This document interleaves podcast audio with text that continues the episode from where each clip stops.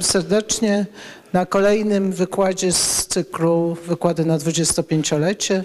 Zorganizowaliśmy te wykłady, bo to nasz srebrny jubileusz Festiwalu Nauki.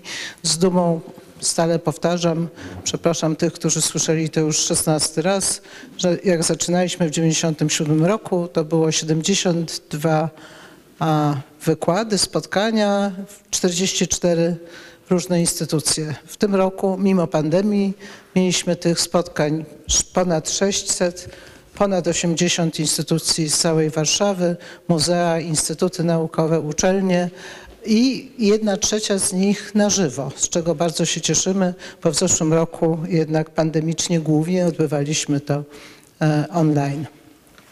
Te wykłady na 25-lecie to był pomysł, żeby poprosić wszystkich tych, którzy kiedyś byli w Radzie Programowej, a pan profesor Friszke był w Radzie Programowej, żeby e, wystąpili z okazji 25-lecia. Rada Programowa się trochę zmienia, jedni przychodzą, drudzy z różnych powodów odchodzą, ale zawsze to są osoby, których warto jest posłuchać. Na szczęście 13 osób się zgodziło i bardzo się cieszę, że pan profesor się zgodził. I ja wiem, że wszyscy pana profesora znają, ale myślę, że jednak parę słów powiem, a zacznę od tego, że jeśli ktoś tej książki nie zna, to nie jest oczywiście jedyna książka, to może warto ją poczytać. Specjalnie ją przyniosłam, żeby pokazać, że jest to osoba, która wiele zrobiła nie tylko dla historyków, ale dla ludzi zainteresowanych historią, szczególnie historią współczesną. E, I warto powiedzieć właśnie parę słów. Jest pracownikiem Instytutu Studiów Politycznych PAN, e, jest autorem wielu publikacji naukowych. Nie będę nawet mówić ile, chociaż gdzieś tą informację mam. Jest członkiem, korespondentem Polskiej Akademii Nauk, ale także Polskiej Akademii Umiejętności.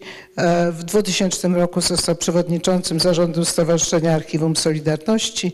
Jest w składzie Kolegium Europejskiego Centrum Solidarności oraz Muzeum Historii Polski. To już nie, rozumiem. Tam, tam, przepraszam bardzo. No, dożyliśmy takich, znaczy rozumiem, że tylko nazwisko skreślił z rady, bo mam nadzieję, że tak skreślić człowieka to chyba jednak nie. Członek Stowarzyszenia Pracowników, Współpracowników i Przyjaciół Rozgłośni Polskiej Radia Wolna Europa imienia Jana Nowaka-Jeziorańskiego, członek jury Nagrody Historycznej imienia Kazimierza Moczarskiego, wiele różnych nagród, między innymi za książkę Anatomia buntu, którą tutaj przyniosłam. E, myślę, że to jest wielki dla nas zaszczyt i wielka przyjemność, że pan profesor się zgodził i zapraszam do... Bardzo dziękuję. Dla mnie to też zaszczyt. E, e, proszę Państwa, podziały polityczne Polaków w XX wieku. Taki temat wybrałem no, świadomie w gruncie rzeczy myśląc o tym, co dzisiaj się w Polsce dzieje, jak te podziały wyglądają, jak są głębokie. Właściwie to chcę po powiedzieć w tym dalszym moim wykładzie, jak one są głębokie, z czego one wynikają, jaką mają tradycję, no i jak się zaostrzyły oczywiście z różnych przyczyn. E, to jest w zasadzie wykład, który można powiedzieć, że będzie kontynuacją rozważań, które podjąłem w roku 18 w rocznicę stuletnią niepodległości, zaproszony przez świętej pamięci Pawła Adamowicza do takich debat na stulecie, które się odbywały w Gdańsku. E, z tych debat wyszła taka książka. E, najpierw one były opublikowane w przeglądzie politycznym, a potem wyszła taka książka i to jest szereg różnych esejów, rozważań o różnych aspektach e, tych stulecia przez różnych autorów. No i tu jest też taki mój studium, chyba więcej trochę niż szkic, będący próbą porównania II Rzeczpospolitej i III Rzeczpospolitej. E, e, no i oczywiście siłą rzeczy też y, mówię tam o tych podziałach, o tych konfliktach. E, no ale tutaj spróbuję to ująć inaczej, w zupełnie inny sposób, choć oczywiście mm, jest to jakoś komplementarne. Podziały polityczne Polaków.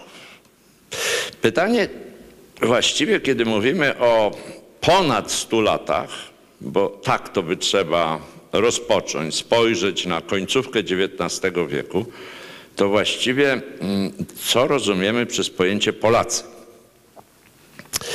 E, Profesor Łebkowski, który zajmował się wiekiem XIX i problemem kształtowania świadomości narodowej, obliczał, że około 1870 roku e, wśród mówiących po polsku jedynie 30-35% miało świadomość przynależności do narodu polskiego, by się określiło jako naród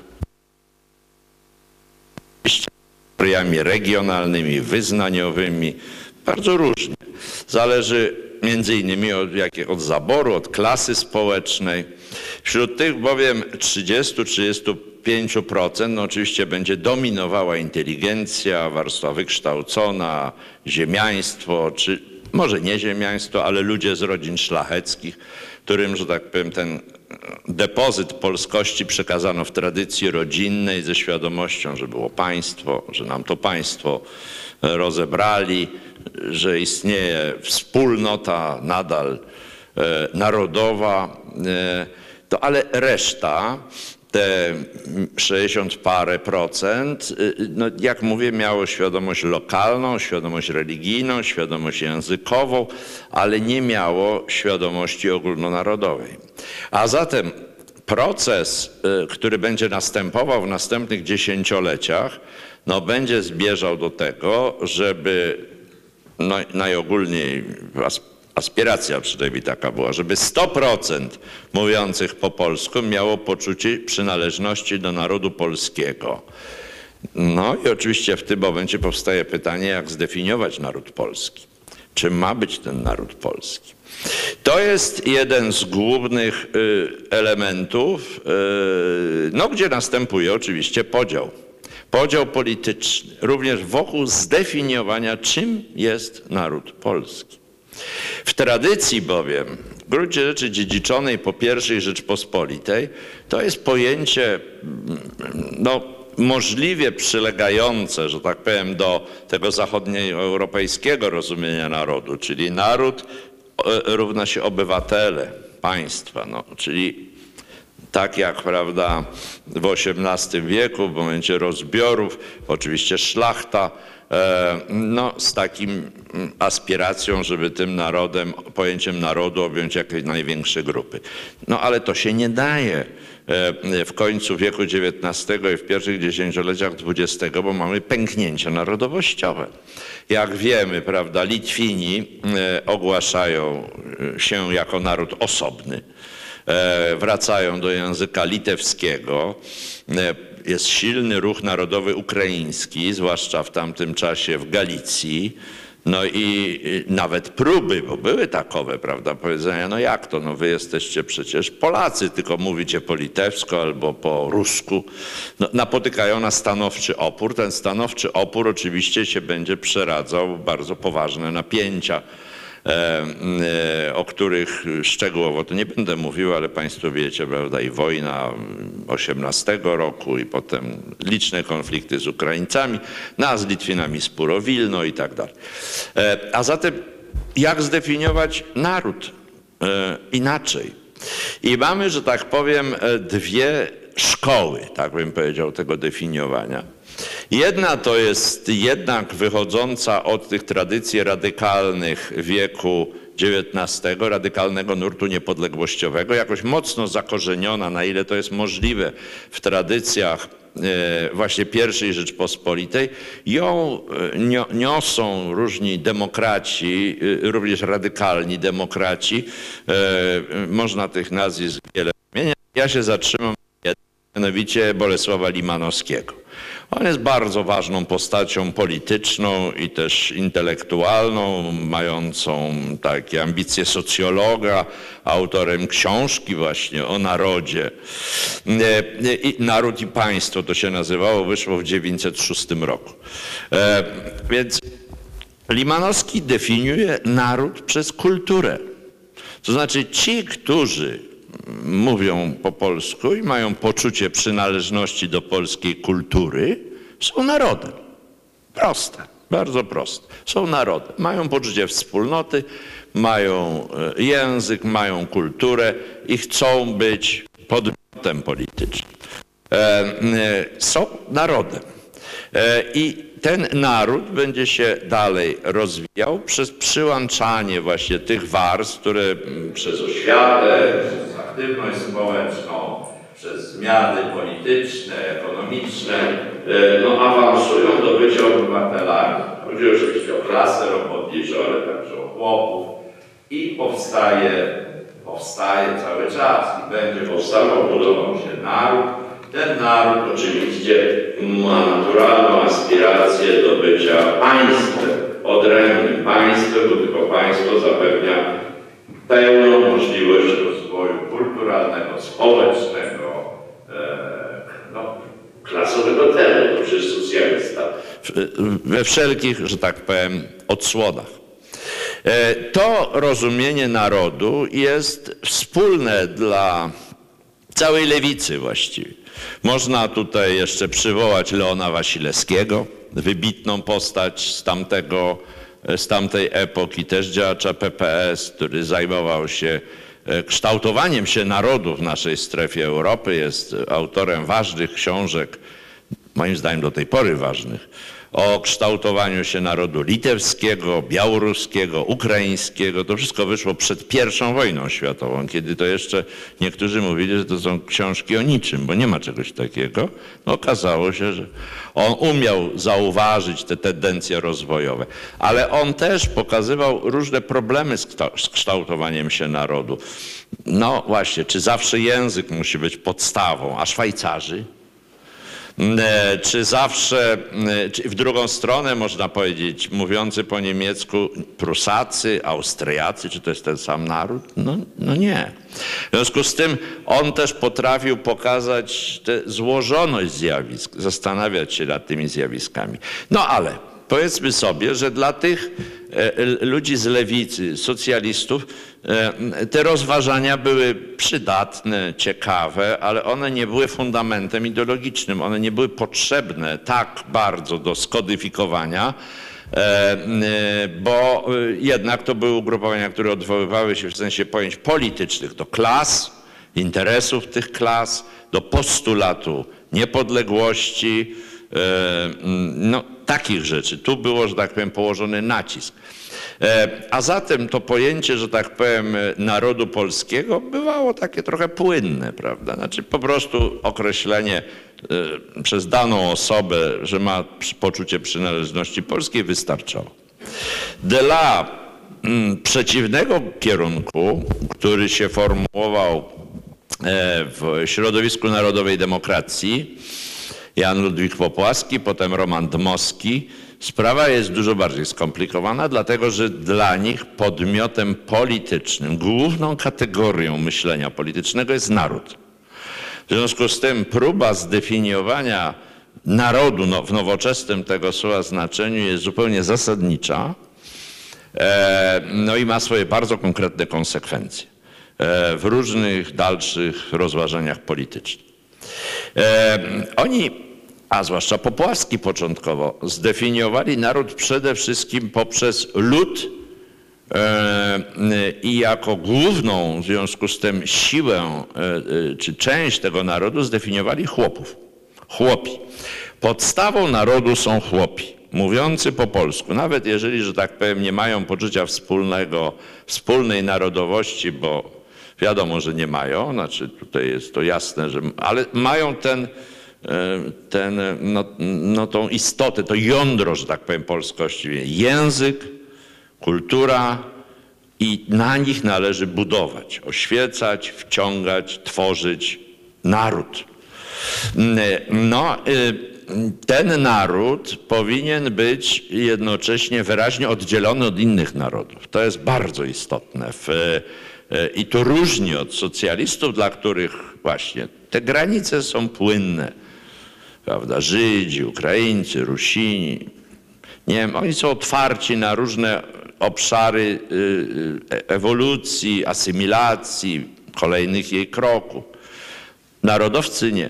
Szukają, że tak powiem, twardego oddzielenia e, granic narodu, bo traktują naród jako podmiot polityczny, ale też bardzo silne tu jest oddziaływanie no, ówczesnej biologii. Dmowski był biologiem z wykształcenia i ta biologia darwinowska wpływała bardzo mocno. Znaczy, naród jest organizmem. I te po, porównania, prawda, nie ma podziałów klasowych, tak jak mówią socjaliści, bo i ręce, i nogi, i głowa, i wątroba, i nie wiem, prawda, płuca, wszystko jest potrzebne, żeby ten organizm funkcjonował, także różne klasy są, ale to nie są istotne podziały, ważna jest jedność narodu. No ale za to, zatem e, jak są dalszy ciąg, że tak powiem, tego rozumowania biologicznego, e, narody tak jak, że tak powiem, e, organizmy biologiczne jak zwierzęta, no mają swój teren, mają swoją, mają swoich wrogów i muszą z nimi walczyć o przetrwanie. To jest zresztą zapożyczenie czy obserwacja powstała pod wpływem e, tego, co się działo w Niemczech Bismarcka, no, który w zasadzie też tak, prawda, naród niemiecki, e, kultura niemiecka, język niemiecki stawał się dominujący i chodziło o ekspansję, no, w poznańskim znamy sprawy Hakata i tak dalej, żeby ogarnąć e, większość y, tamtejszej ludności, niekoniecznie w pełni świadomej swojej odrębności, ale mówiącej po polsku, żeby ogarnąć ją przez kulturę i tożsamość niemiecką. Dmowski uważał, że to jest uniwersalne, że tak będzie wyglądała w zasadzie norma między narodami. A zatem nie istnieje coś takiego jak e, możliwość e, porozumienia się, E, możliwość kompromisu, zbudowania jakichś stref wielokulturowych, byśmy dzisiaj powiedzieli. Nie. To jest wszystko przedmiot walki. Ta walka toczyła się zwłaszcza, chyba najważniejszy obszar tej walki, to jest właśnie Galicja i z Ukraińcami. Kto, że tak powiem, z tych Rusinów wyrośnie? Polacy czy Ukraińcy? I jeżeli mamy narzędzia, na przykład system oświatowy, e, to trzeba je wykorzystywać i zmuszać, e, nawet brutalnie, do przyjęcia polskiej kultury. E, I tym samym poszerzać obszar polskiego języka, polskiego działania, polskiej kultury. Jest w tym rozumowaniu, naród jest trochę jak państwo w tej wizji.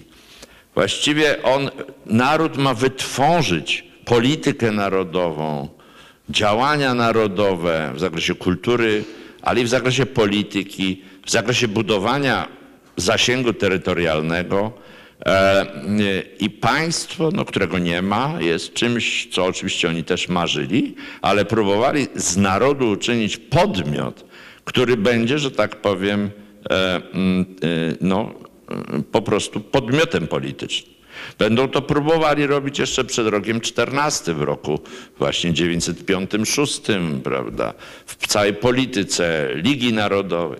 Musiałbym o tym długo mówić, nie będę e, rozwijał tego, ale jest tu wyraźna opozycja.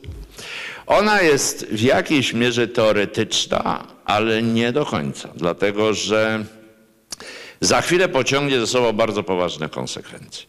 To znaczy przyjdzie rok 905 właśnie, już 905, e, kiedy, no tu właśnie, gdzie my jesteśmy w zasadzie, na krakowskim przedmieściu, wielkie demonstracje roku 905 e, wyzwolą w Warszawie żywioły nie tylko polskoetniczne.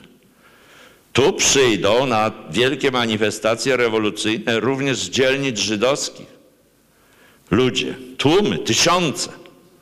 E, I wymieszają się, że tak powiem, e, z Polakami. E, to jest zresztą moment bardzo charakterystyczny, bo we wspomnieniach niedawno wznowionych przez kartę Michała Sokolnickiego socjalisty, a więc nie nacjonalisty, socjalisty, klasowo myślącego, to był szok, on to odnotowuje w swoich wspomnieniach Znaczy oni zobaczyli inne społeczeństwo niż to, do którego byli przyzwyczajeni na Nowym Świecie krakowskim przedmieściu. I powstał, że tak powiem, i to był bardzo silny emocjonalny impuls, który no, wraz z innymi różnymi demonstracjami i zjawiskami spowodował u Dmowskiego e, przełom, że z Żydami trzeba walczyć. Nie, Pol jest albo Polacy, albo Żydzi. Tu nie ma miejsc pośrednich. Tu jest walka o to, czym ma być Polska, naród polski i tak dalej. I w zasadzie od tego 905-6 roku, no to już mamy cały czas, tam są kolejne odsłony, rok 12, potem będzie, prawda, po roku 18. Żydzi są zdefiniowani jako wróg wewnętrzny, przeciwnik, którego należy eliminować, odsuwać, e, ale też i mobilizować naród, również w tych warstwach ludowych, warstwach e, e, no, ludzi prostych, że tak powiem, do walki. E, I to jest pewnego rodzaju narracja, która jest odwrotnością i przeciwieństwem narracji klasowej. Jeżeli socjaliści mówią, walczymy o sprawy ekonomiczne, o prawa obywatelskie, o wolność związków zawodowych, o, o rozmaite inne wolności, zrzeszania się, skupiania, manifestowania, strajkowania itd., tak to Liga Narodowa, Dmowski i jego towarzysze będą mówili o potrzebie, że tak powiem, walki narodowej, narodu właśnie z tymi, którzy ten naród e, osłabiają, zatruwają, ciągną w kierunku klasowym, no i oczywiście właśnie e, działają w gruncie rzeczy w interesie Żydów, bo rozkładają naród. To będzie miało swoje ogromne konsekwencje w II Rzeczpospolitej, te dwie wizje. Bo w gruncie rzeczy, ja szczerze mówiąc, zajmując się tym tematem od y, bardzo dawnych lat, w gruncie rzeczy od okolic matury do tej pory, to wraca, wraca, wraca. U, y, no jestem głęboko przekonany, że to jest zasadniczy podział y, dotyczący zdefiniowania polskości. Czym jest Polska? Dla jednej grupy Polaków, no to jest przede wszystkim społeczeństwo zjednoczone w kulturze, e, świadome swojego pluralizmu na różne sposoby. Pluralizmu poglądów, pluralizmu pozycji społecznej, pluralizmu również w tym zakresie, że no, są między nami ludzie pochodzenia żydowskiego, niemieckiego, ukraińskiego, a, nie, a niektórzy się poczuwają do podwójnej przynależności. Może dzisiaj to jest rzadkie, ale kiedyś to było dosyć mocne, że oni byli trochę tak, trochę tak, znaczy dbali o obie te tradycje. To dla pewnej grupy właśnie tych, którzy akcentują problem obywatelstwa i polskość rozumiana przez kulturę. E, e, w gruncie rzeczy to się nakłada na lewicę, szeroko, socjalistów, PPS-owców, radykalną inteligencję, e, e, e, sfery właśnie legionowe, byśmy powiedzieli. W gruncie rzeczy obóz Piłsudskiego. Tam to pojęcie polskości jest bardzo e, szeroko rozumiane i nie jest akcentowane politycznie.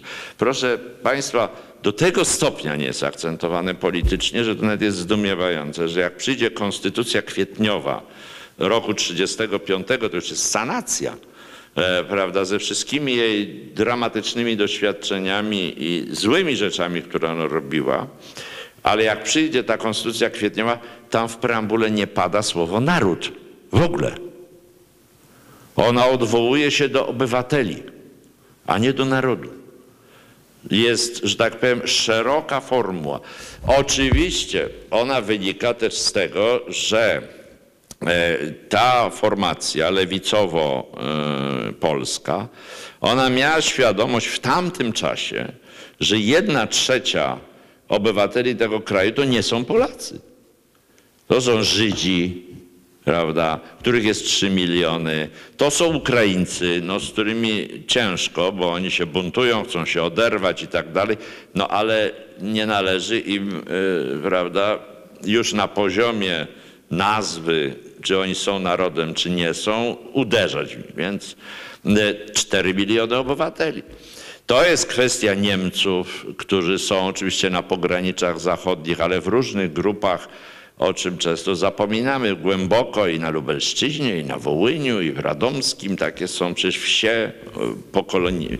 Więc dla tej grupy e, właściwie obywatelskość, Polska jako państwo e, jest tym dominującym sposobem myślenia, z pewną ostrożnością definiowania pojęcia naród. Dla drugiej grupy jest przeciwnie. Im dalej, że tak powiem, ta sprawa się toczy, tym kategoria narodu jest bardziej zasadnicza. Jest zatem po roku 18 wyraźnie sformułowane hasło państwa narodowego. To jest pojęcie sformułowane w kategoriach ideologicznych. My się też posługujemy dzisiaj często, na prawica głównie, ale trochę inaczej. Znaczy mówię o państwie narodowym a la de Gaulle, powiedzmy. E, kiedy mówimy o latach dwudziestych, to pojęcie państwa narodowego jest skodyfikowane przez Grabskiego, przez e, Zygmunta Wasilewskiego, przez Rybarskiego, przez ideologów narodowej demokracji. I to jest państwo, w którym Polacy mają swoje państwo. Czyli naród polski ma swoje państwo jako narzędzie. Państwo jest narzędziem działania narodu. E, inni obywatele, co nie są Polakami, chociaż jest jedna trzecia w państwie, nie mogą mieć praw równych. Są jakby przynależni. E, e, I to naród polski będzie decydował, ile tych praw mają i będzie, że tak powiem, prowadził taką politykę, która jest dla narodu polskiego wygodna, a nie dla tych innych obywateli. To ma swoje bardzo konkretne konsekwencje w ustawodawstwie, na przykład szkoły na kresach. Czy one mają być polskie, ukraińskie czy dwujęzyczne? E, w gminach, gdzie Ukraińców jest 70% na przykład. No, według prawda, myślenia e, takiego obywatelskiego one powinny być ukraińskie czy białoruskie. Nie, według, że tak powiem, wizji państwa narodowego one mają być polskie przede wszystkim, bo one mają służyć temu, żeby ta młodzież w tych szkołach stopniowo nabierała polskiej świadomości, czyli była polonizowana po prostu.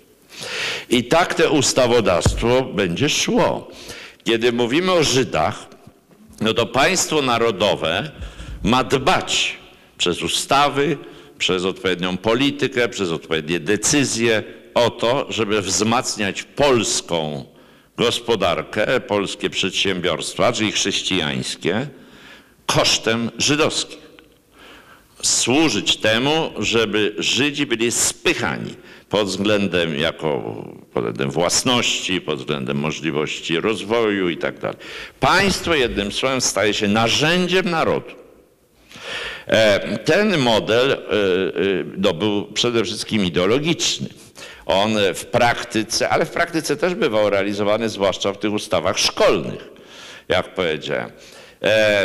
I, I w gruncie rzeczy prowadził do pewnej konsekwencji praktycznej, bardzo dramatycznej, która się e, w końcu zakończy w jakiejś mierze, myślę, że to jest jedną z głównych przyczyn, przewrotem majowym. To znaczy, że on niezwykle antagonizował wszystkie mniejszości narodowe. Temu, jak przychodził rząd e, z endecją, E, no albo nie przychodził, tak jak w 24 roku to nie przychodził, ale większość sejmową udawało się skonstruować, to te rozwiązania ustrojowe były, że tak powiem, radykalnie wymierzone e, w potrzeby, w poczucie, że tak powiem, e, równości mniejszości narodowych i no, wywoływały oczywiście ogromne napięcia, konflikty i radykalizację po tamtej stronie. A ta, ta, ta strona obywatelska, ta właśnie lewicowa, była w gruncie rzeczy bezsilna, bo miała mniejszość w tym Sejmie. E, jeżeli do tego dołożymy inny wątek, o którym ja za chwilę będę mówił w, innym, że tak powiem, porządku rzeczy, no e, to, to, to w sumie tworzyło, że tak powiem, taką mieszankę, że w gruncie rzeczy stabilizacja kraju nie była możliwa. Ja, ja uważam i to mam przemyślane, przebad... nie było możliwe, że tak powiem, stworzenie państwa, w którym by nie trwał cały czas konflikt na tej linii. E, a zatem to jest jedna z przyczyn przewrotu majowego. Proszę Państwa, no a potem było ten, dalej idzie ta, ta, ta kodyfikacja, ona właściwie już wcześniej była, że naród ma jedną religię. Znaczy nie ma mm, prawda, Polako, pra- znaczy to jest ostatecznie przez Dmowskiego skodyfikowane w 27 roku naród, kościół, państwo, y, że katolicyzm nie jest dodatkiem do polskości, jest istotą polskości istotą polskości. E, e, I w gruncie rzeczy zlanie ideologii narodowej i religii katolickiej jest nieodzowne. Nieodzowne. Z tego wypłynie, że tak powiem, mnóstwo rzeczy potem, no, łącznie z hasłem w latach 30. katolickiego państwa narodu polskiego. Po- Formuła państwa narodowego zostanie rozszerzona o katolickie państwo narodowe. E, e, Z religią katolicką jako panującą. E, No i z takim jasnym sformułowaniem, że jeżeli ktoś nie jest katolikiem, nie jest pełnym Polakiem. No oczywiście jak jest żydowskiego pochodzenia, to wiadomo, że nie jest Polakiem, bo tutaj jest jednocześnie zanegowanie asymilacji. Stąd, prawda, no nie wiem, Leśmian, Słonimski, Tuwim, to nie są w ogóle Polacy. To jest twórczość żydowska uprawiana w języku polskim. Taka jest teza przedwojennej prasy kulturalnej wydawanej przez ten obóz. Marceli Handelsman, wybitny polski historyk, działacz PPS, czy tym bardziej Szymon Askenazy, którego nie dopuszczono na profesora Uniwersytetu Warszawskiego, bo to nie są historycy polscy, to są żydowscy historycy piszący po polsku. Ta teza, mająca, że tak powiem, swoją już bardzo mocną reprezentację y, i dominację w obozie narodowej demokracji w latach 30., no, ma swoje różne konsekwencje w czasie wojny. Ja o tym teraz nie będę mówił szeroko. Natomiast chciałem zwrócić uwagę, że ona formułuje pewne wyobrażenie, e, z którym my się spotykamy do dzisiaj. To znaczy mamy wyobrażenie mm, właśnie Polaka katolika, e, które bardzo mocno przenika Kościół katolicki od okresu przedwojennego.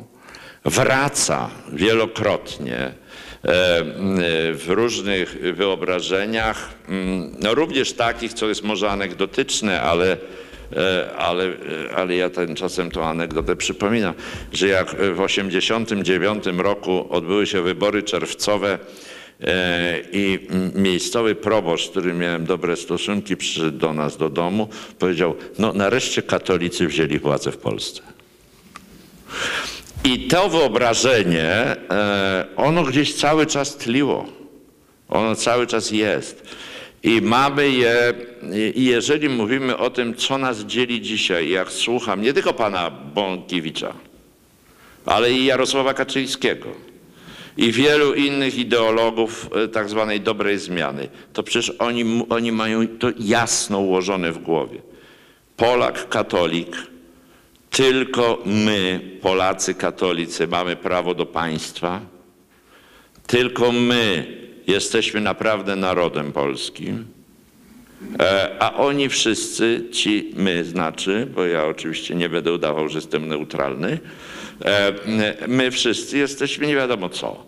Jacy, jakieś takie niedorobione, e, właśnie agenci niemieccy, albo jacyś, prawda, nie do końca spolonizowani, albo wynaturzeni, albo skosmopolityzowani, jacyś Europejczycy. Bo w tym projekcie też, mm, no niestety jest tak, mm, że takie konstrukcje, jaką jest Unia Europejska, są w ogóle traktowane jako anachroniczne. Zawsze były traktowane jako anachroniczne. One wynikają z samego fundamentu e, no, tego, co jest egoizmem narodowym Zygmunta Balickiego i już jest też w myślach nowoczesnego Polaka Romana Dmowskiego. Jeżeli narody, wszystkie, zdefiniujemy na wzór biologiczny, że one walczą o sobą, z sobą, o terytorium, o pozycję, o zdominowanie kulturowe, o zdominowanie gospodarcze, każdy z każdym, no to w ogóle mówienie o jakichś federacjach, konfederacjach jest zawracaniem głowy, to jest nienaturalne w ogóle. I w gruncie rzeczy i przed wojną e, stosunek do takich pomysłów jak Liga Narodów był bardzo sceptyczny ze strony e, właśnie tego obozu. W czasie wojny, kiedy były rozważane e, kwestie federacji, Federacji Polsko-Czechosłowackiej, kiedy mówiono, to są pierwsze pomysły o zjednoczonej Europie, o zbudowanie Federacji Europejskiej, Anglicy to animowali właściwie tych grupach e, antyfaszystowskich, które znajdowały się wtedy e, w Anglii, prawda, uchodząc z okupowanych krajów. To narodowcy do tego podchodzili bardzo e, dwuznacznie, dziwnie, względnie proponowali replikę. Tą repliką w podziemnej prasie konspiracyjnej była, było wyobrażenie, które najbardziej konsekwentnie sformułował Bolesław Piasecki, Konfederacja Narodu, czyli Imperium Polskiego. E, to jest jakby odpowiedź na konfederacyjne pomysły socjalistów, bo oni też tutaj głosili takie potrzeby, że oto Polacy narzucą swoje panowanie narodom obok, Czechom, Słowakom, Litwinom, Ukraińcom i my mamy rządzić tymi narodami. No oczywiście to można powiedzieć, była zupełna fantazja, ale to są artykuły poważnych ludzi, duże artykuły, które to projektują. E, tak samo krąg Narodowych Sił Zbrojnych formułuje taką wizję właśnie. E, bo oni, ale za chwilę, bo ja czytałem kiedyś te artykuły, za chwilę wchodzą na problemy. No, jak zrobić e, z Czechami takie jedno państwo, jak oni nie są katolicy właściwie. Czyli tego fundamentalnego elementu, że to formacja narodowo-katolicka ma rządzić kulturą tych, no nagle jest bariera. E, Ukraińcy są prawosławni albo grekokatolicy. Węgrzy, z którymi chcieliby pójść, też nie są katolicy, bo tam są kalwini silni. Czesi e, są mało religijni.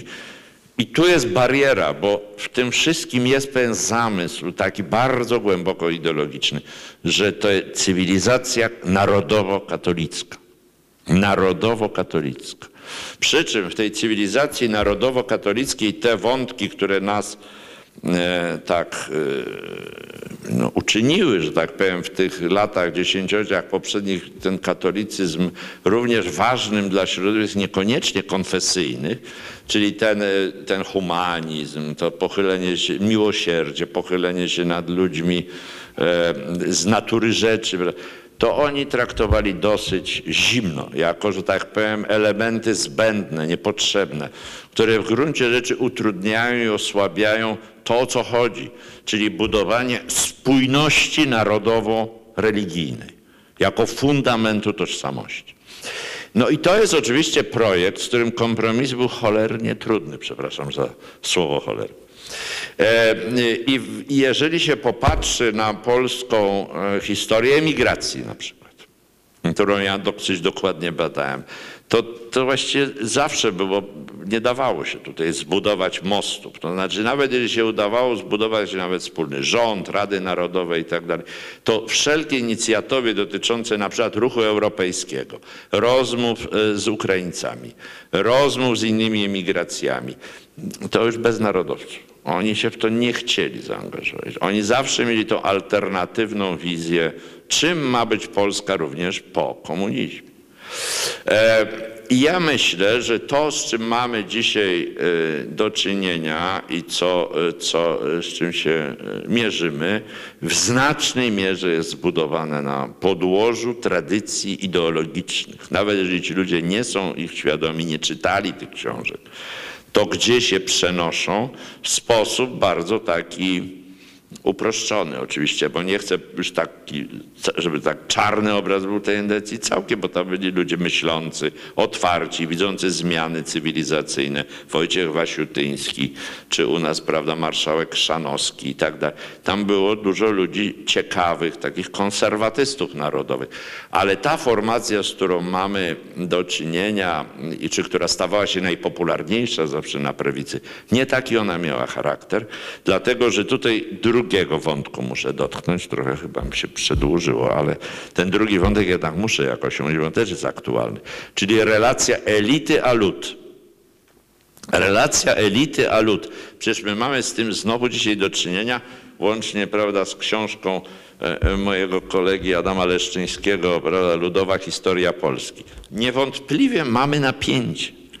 Kiedy mówimy znowu o XIX wieku, wracam na chwilę prawda, tego XIX wieku, no to rzeczywiście mamy szlachtę, prawda, czy te grupy nawet zbankrutowanej szlachty, no cirka 10% społeczeństwa, mówiących po polsku. No i mamy chłopów, mniej więcej 70%. Prawda? Reszta to są mieszczanie, drobnomieszczanie, różni tam sklepy, nie sklepy, wozacy, nie... ale mamy ogromny lud, który rzeczywiście jest z doświadczeniem e, pańszczyzny, e, e, zantagonizowany oczywiście wobec szlachty, czy wyrastającej w ogromnej mierze ze szlachty inteligencji. No i mamy sytuację mm, taką, że co było właściwie świadomością tego ludu przede wszystkim? To jest pytanie trudne potwornie, bo w zasadzie skąd my mamy wiedzieć? Chłopi nie prowadzili dzienników, nie, nie, nie wysyłali listów, na ogół byli niepiśmienni i w związku z tym trudno jest powiedzieć, co oni myśleli w kategoriach tożsamości własnej. No, ale wydaje się, że dosyć y, bliskie prawdy będzie y, takie sformułowanie dosyć ogólne, że przede wszystkim była to świadomość własnej lokalności, własnego środowiska zbudowanego na kulturze ludowej, y, własnej i na to się nakłada poczucie wspólnoty religii. E, kiedy zostały, zostały zniesiona pańszczyzna i chłopi mogli zacząć się poruszać, gdzieś podróżować poza własną wieś, to bardzo się ożywił ruch pielgrzymkowy. E, zaczęli, prawda, kościół, różne pielgrzymki z różnych okolic, ludzie zaczęli ściągać i zaczęły się odbywać uroczystości lokalne, a także e, ogólne. Znaczy popularność, jeśli tak wolno powiedzieć, Jasnej Góry, e, do której ściągały duże pielgrzymki z różnych części kraju, wtedy właśnie się rozpoczęła. Stała się ona miejscem peregrinacji, pielgrzymkowania. I to jest związane też z poczuciem własnej tożsamości. Czyli można powiedzieć, że narodowcy, Dmowski, oni dosyć dobrze tej tożsamości i próbowali poddać ten lud, tych chłopów własnej narracji, byśmy dzisiaj powiedzieli. Czym jest Polska? E, I próbowali nad nimi uzyskać dominację, powiedzmy sobie szczerze. Czyli zbudować ruch chłopski, ruch ludowy, kierowany oczywiście przez Ligę Narodową, przez tych inteligentów. E, I do pewnego stopnia im się to udało oczywiście. Tylko, że potem to pękło. A nie, może i nie do końca się udało, bo w Galicji nie mieli dość sił, tam się uformuje osobny ruch ludowy, jak wiemy, prawda? Z Witosem, z Wysłuchem, ze Stapińskim, z innymi ludźmi, których nazwiska dzisiaj są na ogół zapomniane niestety, ale to byli ci, którzy budowali ten ruch ludowy, chłopski, własny, E, na terenie Galicji, gdzie było wolno. Na terenie zaboru natomiast rosyjskiego nie było wolno. I ten ruch ludowy zacznie się pojawiać dopiero właściwie w okresie tuż przed I wojną światową, jak trochę zelżeje reżim carski.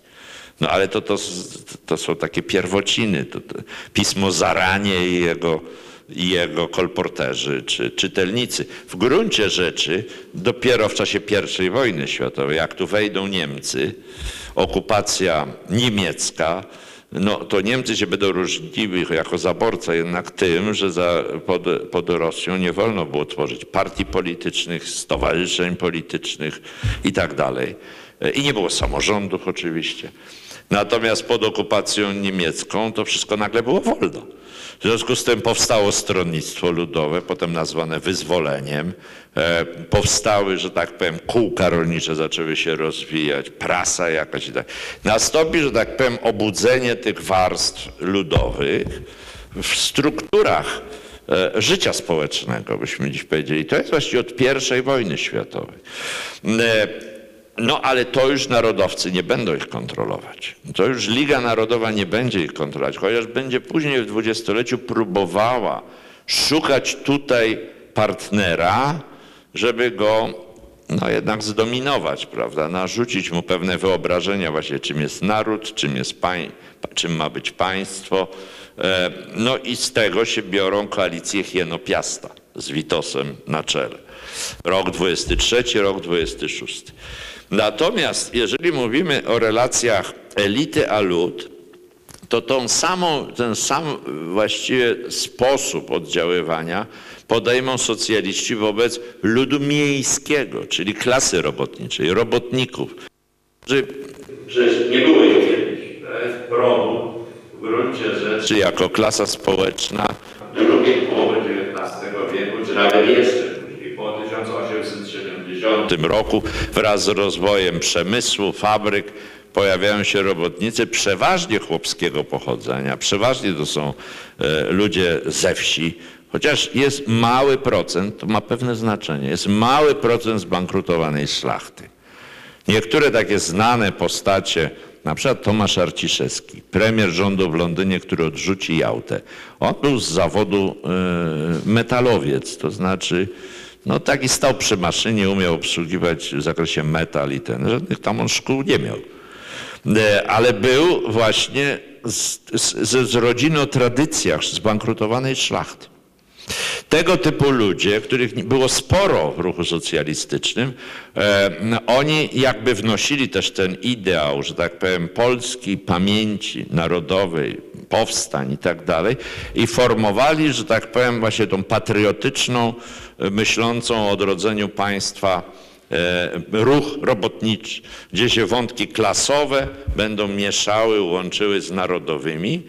E, no i jednocześnie, że tak powiem, e, społecznymi, czyli walka o to, żeby robotnicy mieli swoje organizacje społeczne, przede wszystkim związki zawodowe. I czy to są podziały? No są podziały, bo oczywiście pomiędzy elitami ludźmi ze szlacheckich dworów często, w ruchu socjalistycznym obecnymi, a ludźmi, że tak powiem, z, od fabryki, prosto od warsztatu, no istniały bariery kulturowe, istniały pewne napięcia, ale one, że tak powiem, jakoś udawało się w tej partii je e, na tyle, że tak powiem, niwelować, że one nigdy nie były takie, żeby było czym pisać. Tam nie było napięć. To jest pewien fenomen rzeczywiście, że się udawało zbudować pewną jedność. Jeszcze jest trzecia grupa, ważna w ruchu socjalistycznym, to znaczy ludzie żydowskiego pochodzenia, o żydowskich korzeniach, e, którzy przyszli do tego ruchu no, jako polscy inteligenci. I byli w nim bardzo aktywni, jak Felix Perl, jak Hermann Diamant, jak Hermann Lieberman. To są strasznie ważne nazwiska w tym ruchu. E, I tu jest, że tak powiem, e, e, no, zdolności integracyjne właśnie rozumiane w tym, że tożsamość polska, polski naród to jest wspólna kultura. Nie patrzymy, kto miał jakiego dziadka. Nie będziemy tego wypominać. Po drugiej stronie tego podziału narodowego takich rzeczy nie ma. Tam, tam nie, to nie funkcjonuje. Nie a jeżeli nawet funkcjonowało, to się potem rozsypały już po roku 905. E, no dobrze, i teraz proszę Państwa, wracam do pytania postawionego generalnego przez e, właśnie Adama Leszczyńskiego, którego nie ma, ja tu nie będę z nim bardzo polemizował, ale to co powiem, to i tak polemizowałem z nim już tyle razy, że to nie ma znaczenia, że go nie ma. Państwo polskie, które zostanie zbudowane po roku 18, E, z hasłami programem bardzo radykalnym, socjalistycznym w zasadzie. Hasła, które, we, we, zasady, na których budowano to państwo, były socjalistyczne na tamten czas. Czyli powszechne prawo wyborcze dla każdego, czyli również dla tego, który ma trzy klasy i również dla tego, który w ogóle po polsku nie mówi, ale jest polskim obywatelem. Wszyscy mają prawo głosu. Słucham? No tak, bo wszyscy są obywatelami. E, każdy mieszkaniec Polski staje się obywatelem Polski. Druga rzecz, prawa wyborcze i równouprawnienie kobiet. To są rewolucyjne rzeczy, nie mieszczące się w głowie jeszcze 5 lat wcześniej. Dalej, ośmiogodzinny dzień pracy, czyli w praktyce to oznacza ograniczenie władzy, tak to będzie interpretowane z polemiką, ograniczenie prawa własności i władzy właściciela, który nie może dowolnie kształtować stosunków pracy, tylko musi iść na tak głęboki kompromis, że robotnik tylko 8 godzin ma pracować. Dalej, ubezpieczenia społeczne, prawda, od wypadku. E, e, ograniczenia praw y, tych właścicieli domów. Szalenie ważna sprawa, wywołująca ogromne emocje. Czyli właściciel nie może dowolnie kształtować swojego prawa własności w kamienicy, bo na przykład nie może wyrzucić rodziny, która nie płaci mu czynszu na ulicę. To wprowadzono w 18 roku. Oczywiście, no, może po jakimś czasie tam są jakieś procedury, ale nie może tak jak bywało wcześniej, nie płacą won, wystawimy ich i niech robią co chcą. To są rzeczy wprowadzone w 18 roku e, przez pierwszy rząd e, niepodległej Polski, które e, właśnie i tu jest ta polemika z Adamem Leszczyńskim, który powie, one nie były realizowane. One potem od nich odchodzono.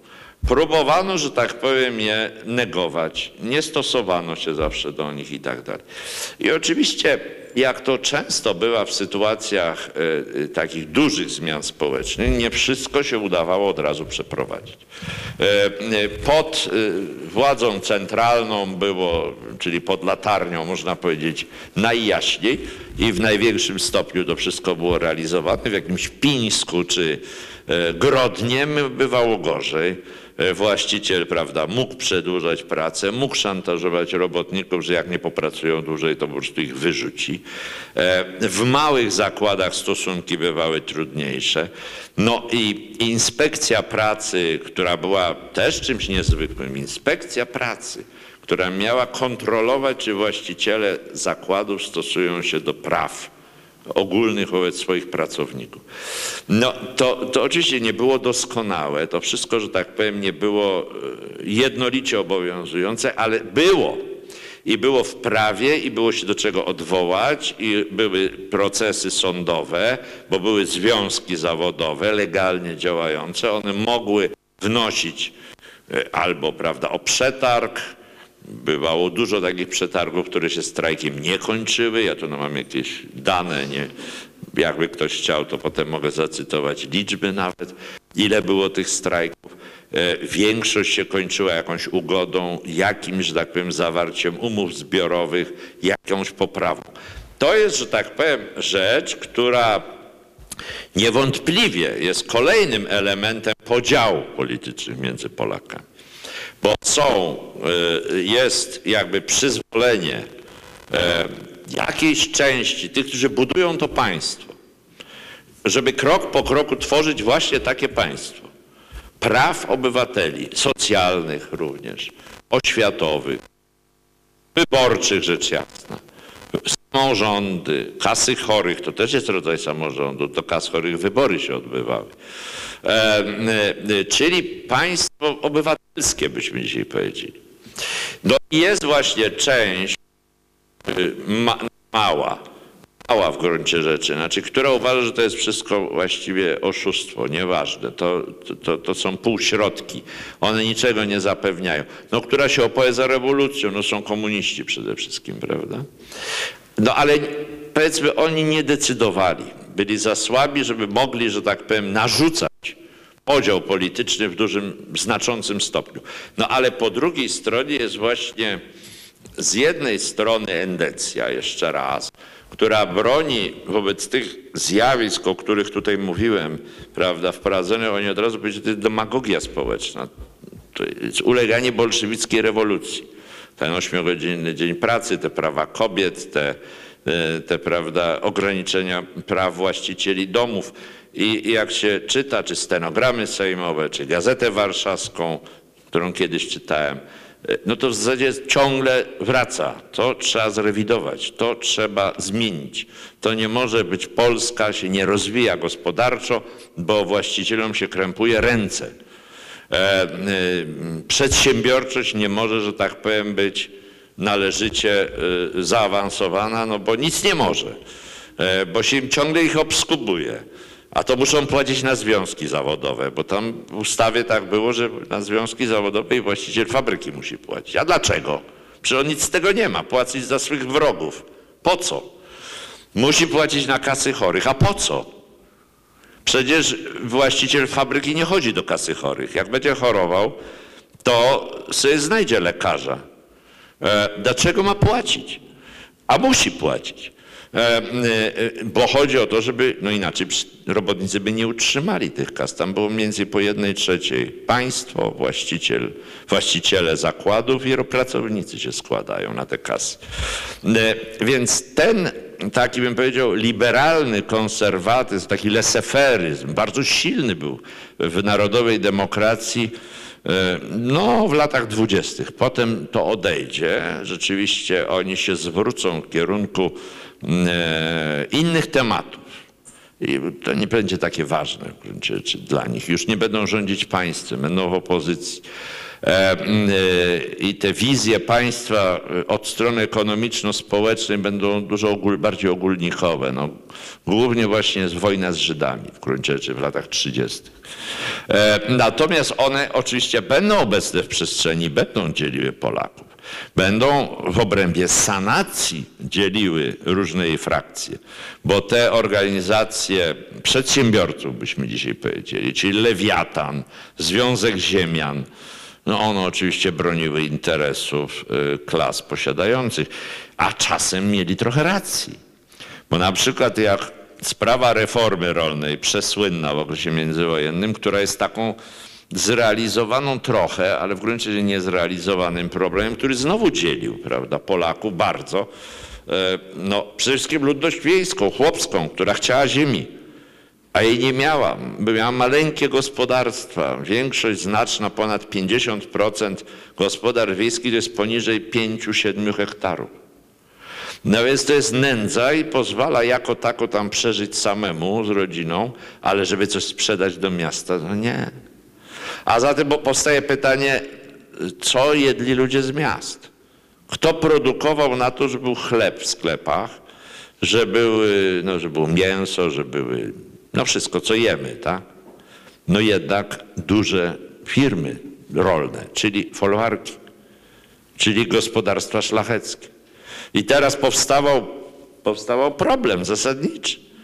Czy e, można te majątki rozparcelować i jak się te gospodarstwa rolne, chłopskie upełnorolni, to one będą na tyle e, sprawne, żeby, że tak powiem, dostarczać e, produkt rolny do miast w wystarczającej ilości. Bardzo trudna sprawa, dzieląca ekonomistów przed wojną i dzieląca politycznie. I powodująca też, że na przykład socjaliści, z PPS, Lewica. E, owszem, oni mówili, że trzeba reformę rolną robić, ale z tą parcelacją to tak bardzo ostrożnie. Oni nie za bardzo to popierali. Wyraźnie się obawiali, że to może oznaczać, że miasta będą głodować, jak przyjdzie co do czego. W związku z tym, e, no to jest kolejny temat, prawda, który dzieli już dzieli, że tak powiem, w innym planie niż e, kształt narodu, kształt ustroju, praw obywatelskich, ale dzieli też, jakie interesy ekonomiczne i w jakim zakresie społeczne w konsekwencji państwo ma realizować. Ja bym powiedział, że oczywiście okres PRL-u on to tak wszystko zniwelował. On to tak wszystko zniwelował. E, no wiadomo, co się stało z właścicielami gospodarstw, z właścicielami domów, to nie ma potrzeby tego rozwijać, ale on też stworzył, że tak powiem, takie społeczeństwo, w którym wiele z tych potencjalnie istotnych konfliktów w gruncie rzeczy nie za bardzo było zrozumianych, nie za bardzo funkcjonowało. Na przykład właśnie taki konflikt, który też był bardzo istotny w okresie międzywojennym, relacje między cenami artykułów rolnych i artykułów przemysłowych. Czyli krótko mówiąc, kto więcej za? Robotnik czy rolnik? Korzystne są ceny. No, w gruncie rzeczy w PRL-u one na ogół bywały korzystne dla robotników, potem stawały się korzystne dla rolników, na przykład w latach 80. wyraźnie, e, no a po roku 89 no to mamy problemy. Nie, nie będę ich próbował streszczać. To już są pewnie w Akademii lepsi specjaliści ode mnie. Ale to jest realny problem, z którym my dzisiaj słyszymy, prawda? I cały czas jest na tapecie, że tak powiem, o ceny y, artykułów rolnych i opłacalność produkcji rolnej. Ale przecież państwo nie jest z gumy. Jeżeli się, ani ekonomia nie jest z gumy, chociaż rządy PiSu y, nas przekonują, że każdemu dadzą, ile tylko będzie chciał. 15 pensję zaraz wyfasują i emeryturę, bo państwo pieniędzy ile chce, tyle wydrukuje, tyle będzie miało. Ale do czasu rządów PiS to żaden polityk gospodarczy tak nie rozumował. To, y, to były jednak twarde reguły, że albo, albo. Coś się daje, a innym się nie daje. Budżet nie jest z gumy. E, Jakie będą skutki tego eksperymentu dzisiejszego, to ja nie chcę mówić, zobaczymy. E, On oczywiście jest wsparty o pieniądze z Unii Europejskiej, czyli po raz pierwszy w naszej historii e, nie jest tak, że co gospodarstwo narodowe, teraz mówię z małej litery narodowe, czyli państwowe, prawda, wytworzy, no to jest do podziału i koniec, więcej nie ma. Teraz mamy ogromne transze pieniędzy z zachodu, e, którymi można różnie dysponować. Rozumiem, że tak nimi dysponują, jak dysponują, a poza tym chwalą się, że jak, będą, jak ich nie będą mieli, to i tak im wystarczy. Nie wiem, jakie to jest liczenie, e, no ale zostawmy ten temat. Natomiast jest to liczenie, że tak powiem, e, i cała narracja, z którą mamy do czynienia, ona jednak też uderza w tony, które gdzieś drzemią w ludziach, które gdzieś są przekazywane w opowieściach rodzinnych, właśnie o upośledzeniu chłopów, e, o braku szacunku, o biedzie, która była, o potrzebie odkucia się. Bo dziś jest dobrze, a jutro będzie znowu źle, trzeba zgromadzić, odbić. To są e, mm, w tej warstwie socjalnej silne, e, e, takie bym powiedział, odwołania, które znajdują swoje pokrycie. To 500 plus, prawda, jest traktowane nie tylko jako przywilej, ale jakby też jako swego rodzaju rekompensata za wielowiekową krzywdę. Gdzieś coś takiego jest. E, Wyrównanie szans, można na to patrzeć od tej strony.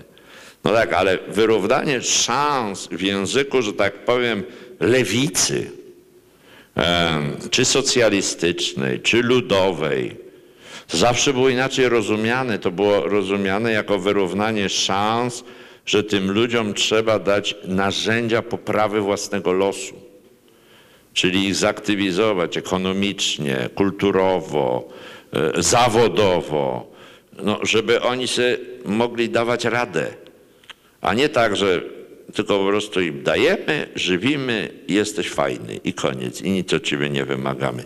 Tu mamy rewizję tego spojrzenia e, lewicowego.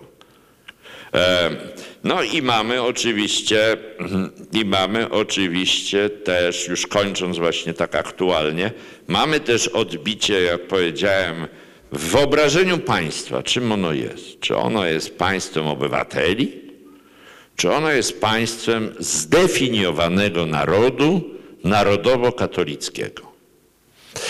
E, I mamy oczywiście jak najbardziej aktualny dzisiaj spór e, o to, czy istnieją organizacje międzynarodowe.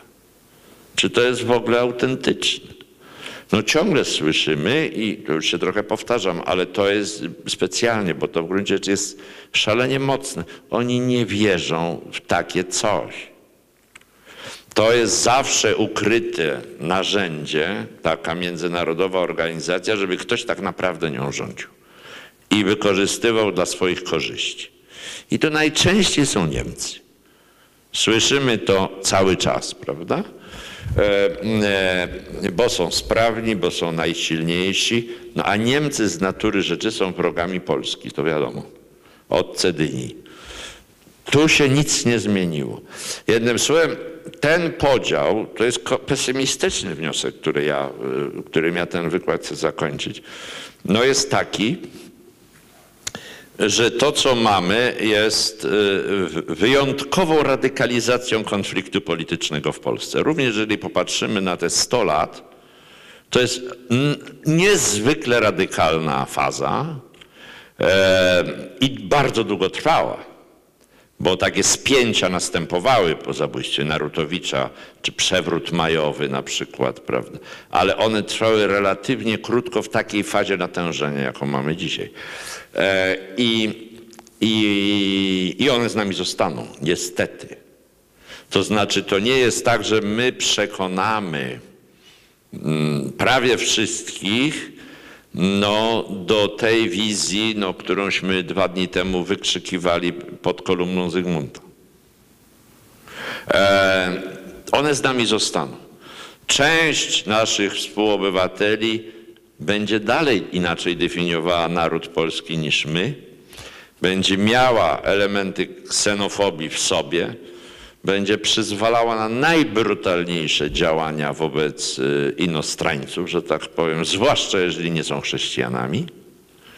E, y, I, y, I będzie głęboko sceptyczna wobec Zachodu z jego wartościami, a już zwłaszcza z próbami federalizowania Europy, bo one są w korzeniu e, polskiej tradycji zanegowane. Dziękuję.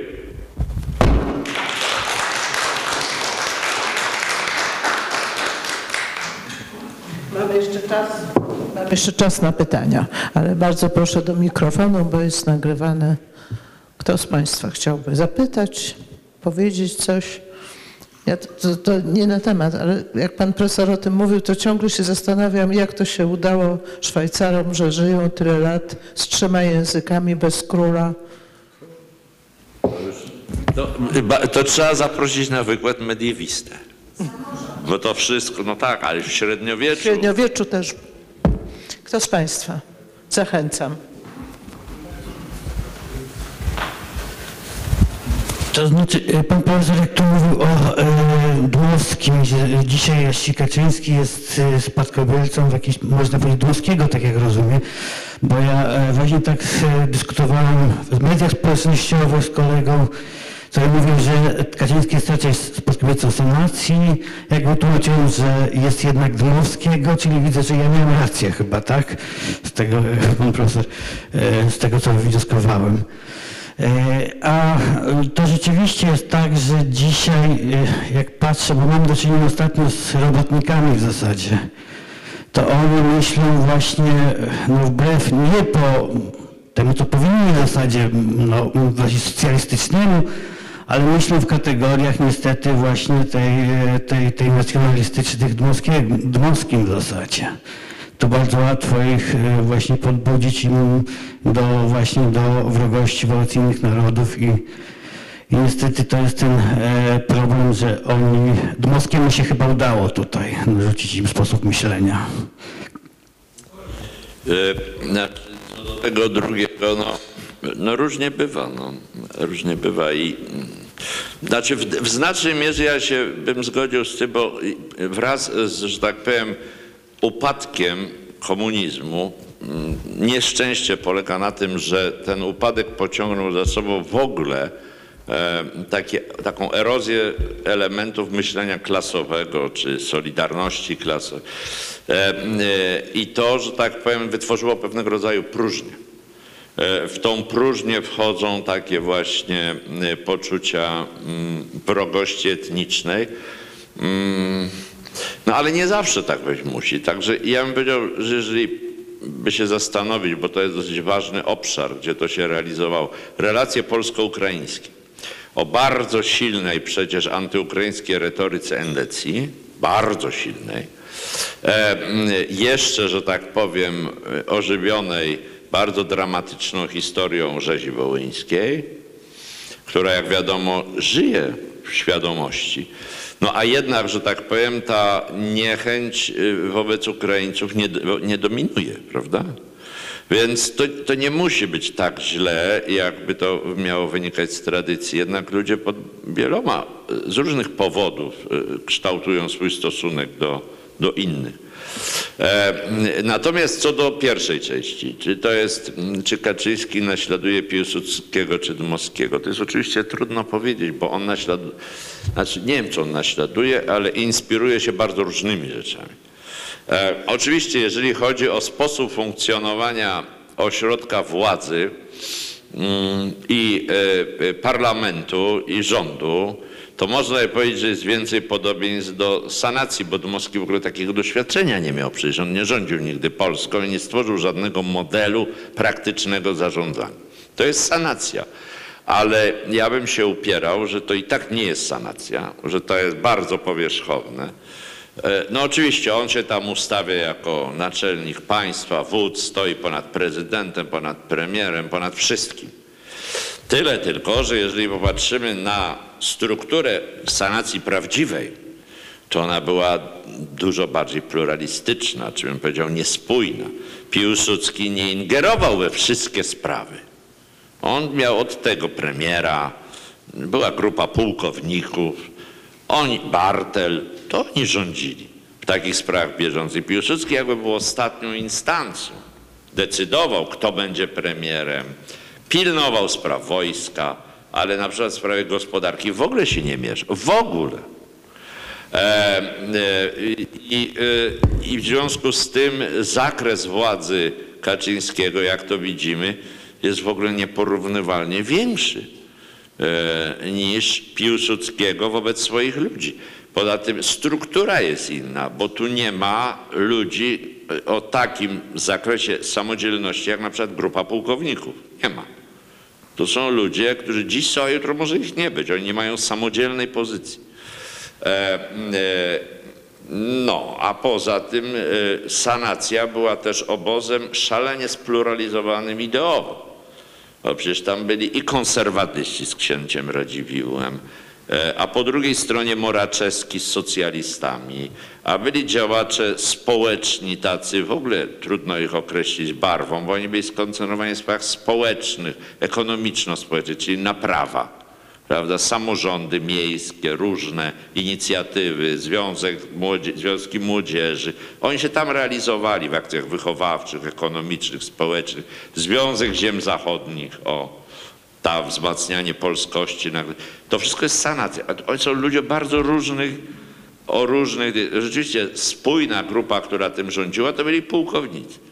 Natomiast oni mieli bardzo silną pozycję sami z siebie i tylko Piłsudskiego pytali, jak mieli wątpliwości. Więc tu mamy inną strukturę w ogóle rządu, również pod tym względem. E, e, I oczywiście mamy kompletnie inne myślenie o e, świecie. To różni i od Dmowskiego, i od Piłsudskiego, bo takie myślenie o polityce zagranicznej i takie zniszczenie Ministerstwa Spraw Zagranicznych i aparatu dyplomatycznego, jaki nam zafundował PiS, to jest rzecz, która nie ma żadnego precedensu. I Piłsudski, i oczywiście Dmowski, jak najbardziej, uważali, że polityka zagraniczna jest kluczową funkcją państwa. W gruncie rzeczy ona decyduje, to jest najważniejsza funkcja państwa, bo ona decyduje, czy to państwo przetrwa. Jeżeli nie mamy stosownej polityki zagranicznej, to to państwo nie powstanie, jeżeli mówimy przed 18 roku, rokiem, a potem może być zburzone. Bo życie międzynarodowe to nie jest bajka. Prawda? Różni tu mieli, jak powiedziałem, skłonności federalistyczne, ale to jest pomysł, jak zahamować konflikty międzynarodowe, rywalizacje, zagrożenie pokoju i tak. Ale scena międzynarodowa jest niebezpieczna. I e, państwo musi dbać o to, żeby mieć solidny MSZ, autonomiczny, bo to są fachowcy. Oni wiedzą, śledzą na bieżąco w swoich krajach, we Francji, w Anglii, w Niemczech, we Włoszech, w Ameryce, jakie są tendencje, ku czemu to zmierza.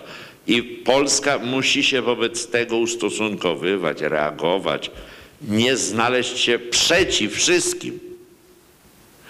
No to dla Kaczyńskiego, rozumiem, to nie istnieje. Nie istnieje. Tu nie ma żadnej polityki. PiS nie ma żadnej polityki zagranicznej. Żadnej. E, e, lat temu, ile? To wcale nie było tak dawno. Też chyba w 18 roku to było.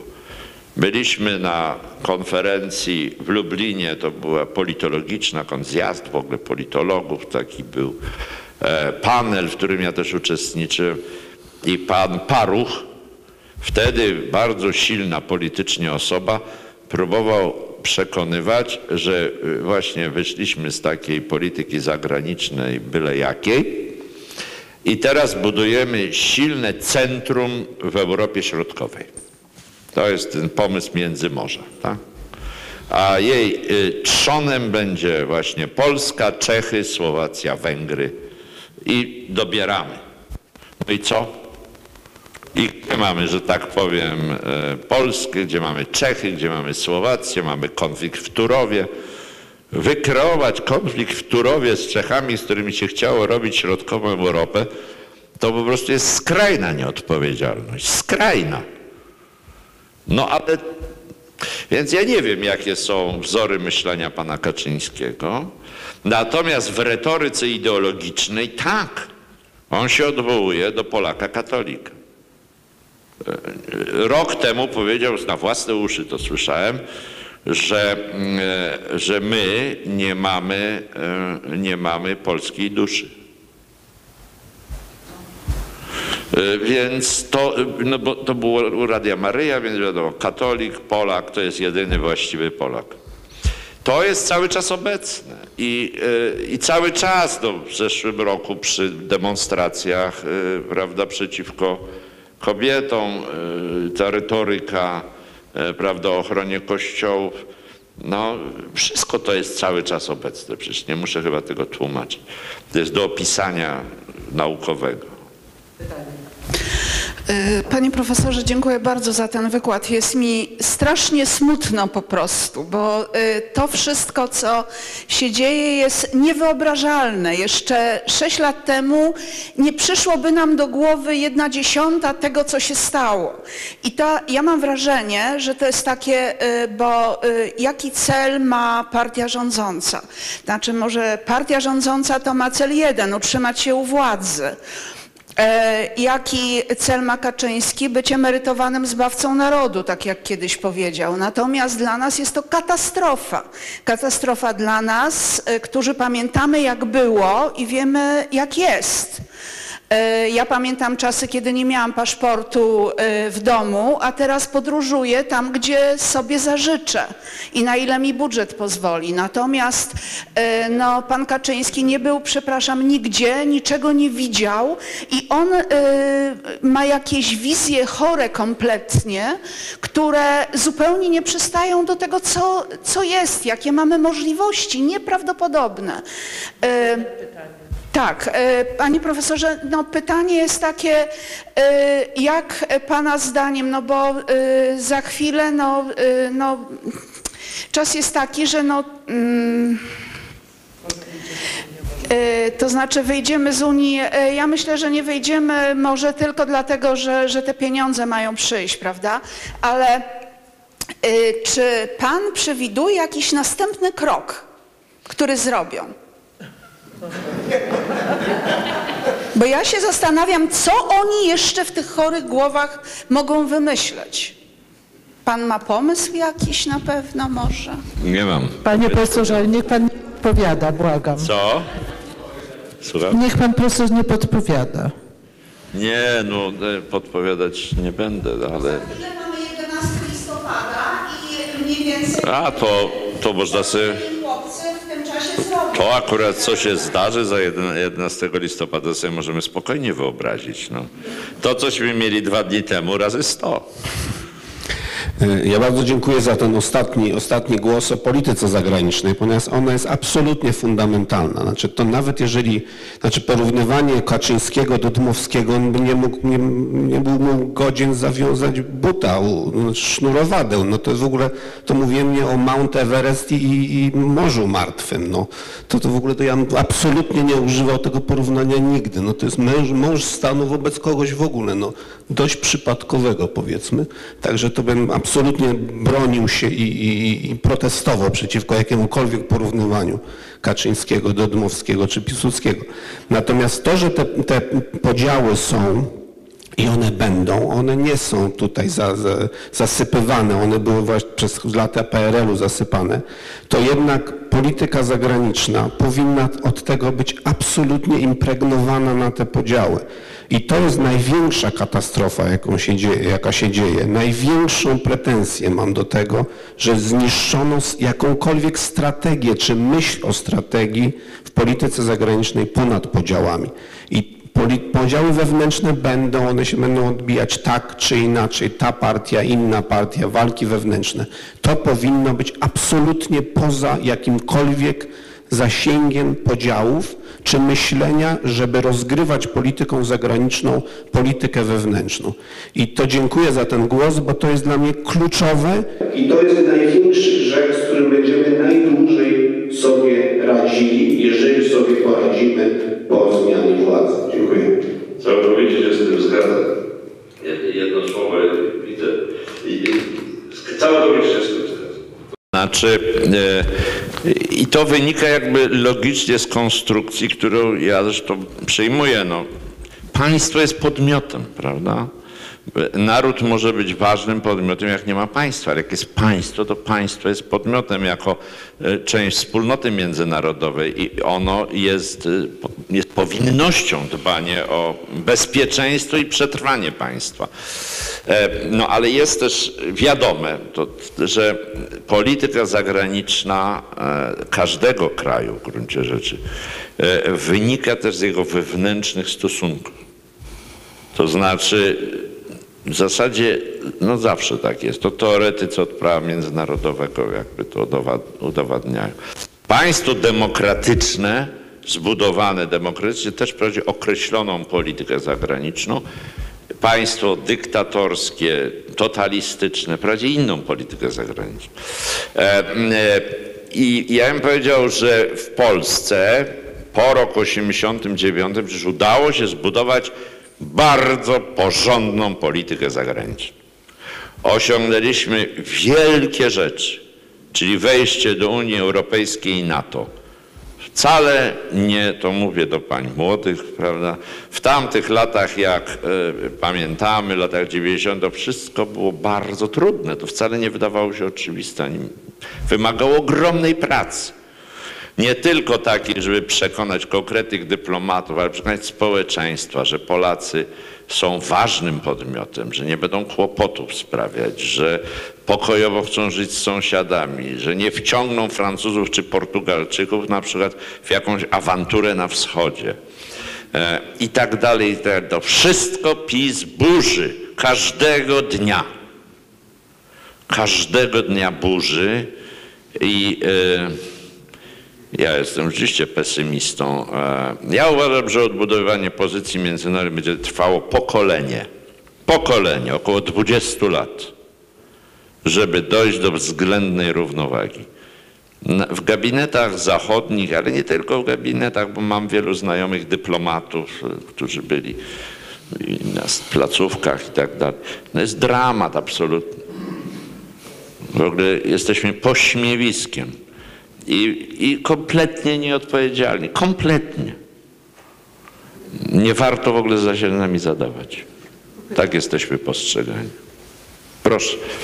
E, Panie profesorze, wybiegliśmy e, daleko poza XX wiek, a ja chcę jeszcze bardziej do przodu. E, Jaki jest Pana stosunek do takiej idei pensji obywatelskiej? To jest moje pierwsze pytanie. Pensji obywatelskiej. Pensji obywatelskiej. Pensji obywatelskiej. Czy zna Pan takie pojęcie? Nie zna Pan. No, dochód gwarantowany. Aha. No ja nie jestem ekonomistą, to ja tak wie pan, jeszcze historia ekonomii, no to ja muszę, ale tak aktualne różne pomysły to niekoniecznie. E, No trudno. A drugie pytanie to mam takie, e, czy sądzi pan, że e, Szwajcarom się udało dzięki warunkom geograficznym? No, no oczywiście, o, oczywiście, że tak. To znaczy, ja oczywiście o Szwajcarii wiele nie powiem, bo, bo się na tym nie znam, ale tak jak tutaj wymieniliśmy uwagi, no po pierwsze trzeba by sięgnąć do średniowiecza, bo przecież to wtedy powstało. Wtedy powstały zasady e, tego, e, tego państwa. E, Należałoby zobaczyć jego strukturę społeczną. No, to jest też państwo, które y, właśnie ma niewielki dystans, chyba, tak mi się wydaje, między elitami a ludem. Prawda? Tam nie ma wielkich dystansów arystokracji, nie ma szwajcarskiej, wielkich latyfundiów szwajcarskich. Chłopi są wolni prawdopodobnie od zawsze. E, mm, to jest raz, ale oczywiście to by się nie utrzymało. Różne wojny, zawieruchy, tam wojna 30-letnia, prawda, religijne, gdyby oni nie byli tak położeni jak są, e, że tam trudno się do nich dobrać, to, to by pewnie nie przetrwało. No ale to była dla nich e, gwarancja, prawda? Znaczy te góry ich osłaniały przed możliwym. I pewnie różne inne elementy, które powodowały, że byli wygodnym miejscem do porozumiewania się e, różnych zwaśnionych stron. Tam można było się spotkać i negocjować w najbardziej niesprzyjających warunkach. No ale to już mówię powiedzmy na przykład o II wojnie światowej, prawda, gdzie, gdzie nawet y, odbywały się takie spotkania nieoficjalne. Słucham.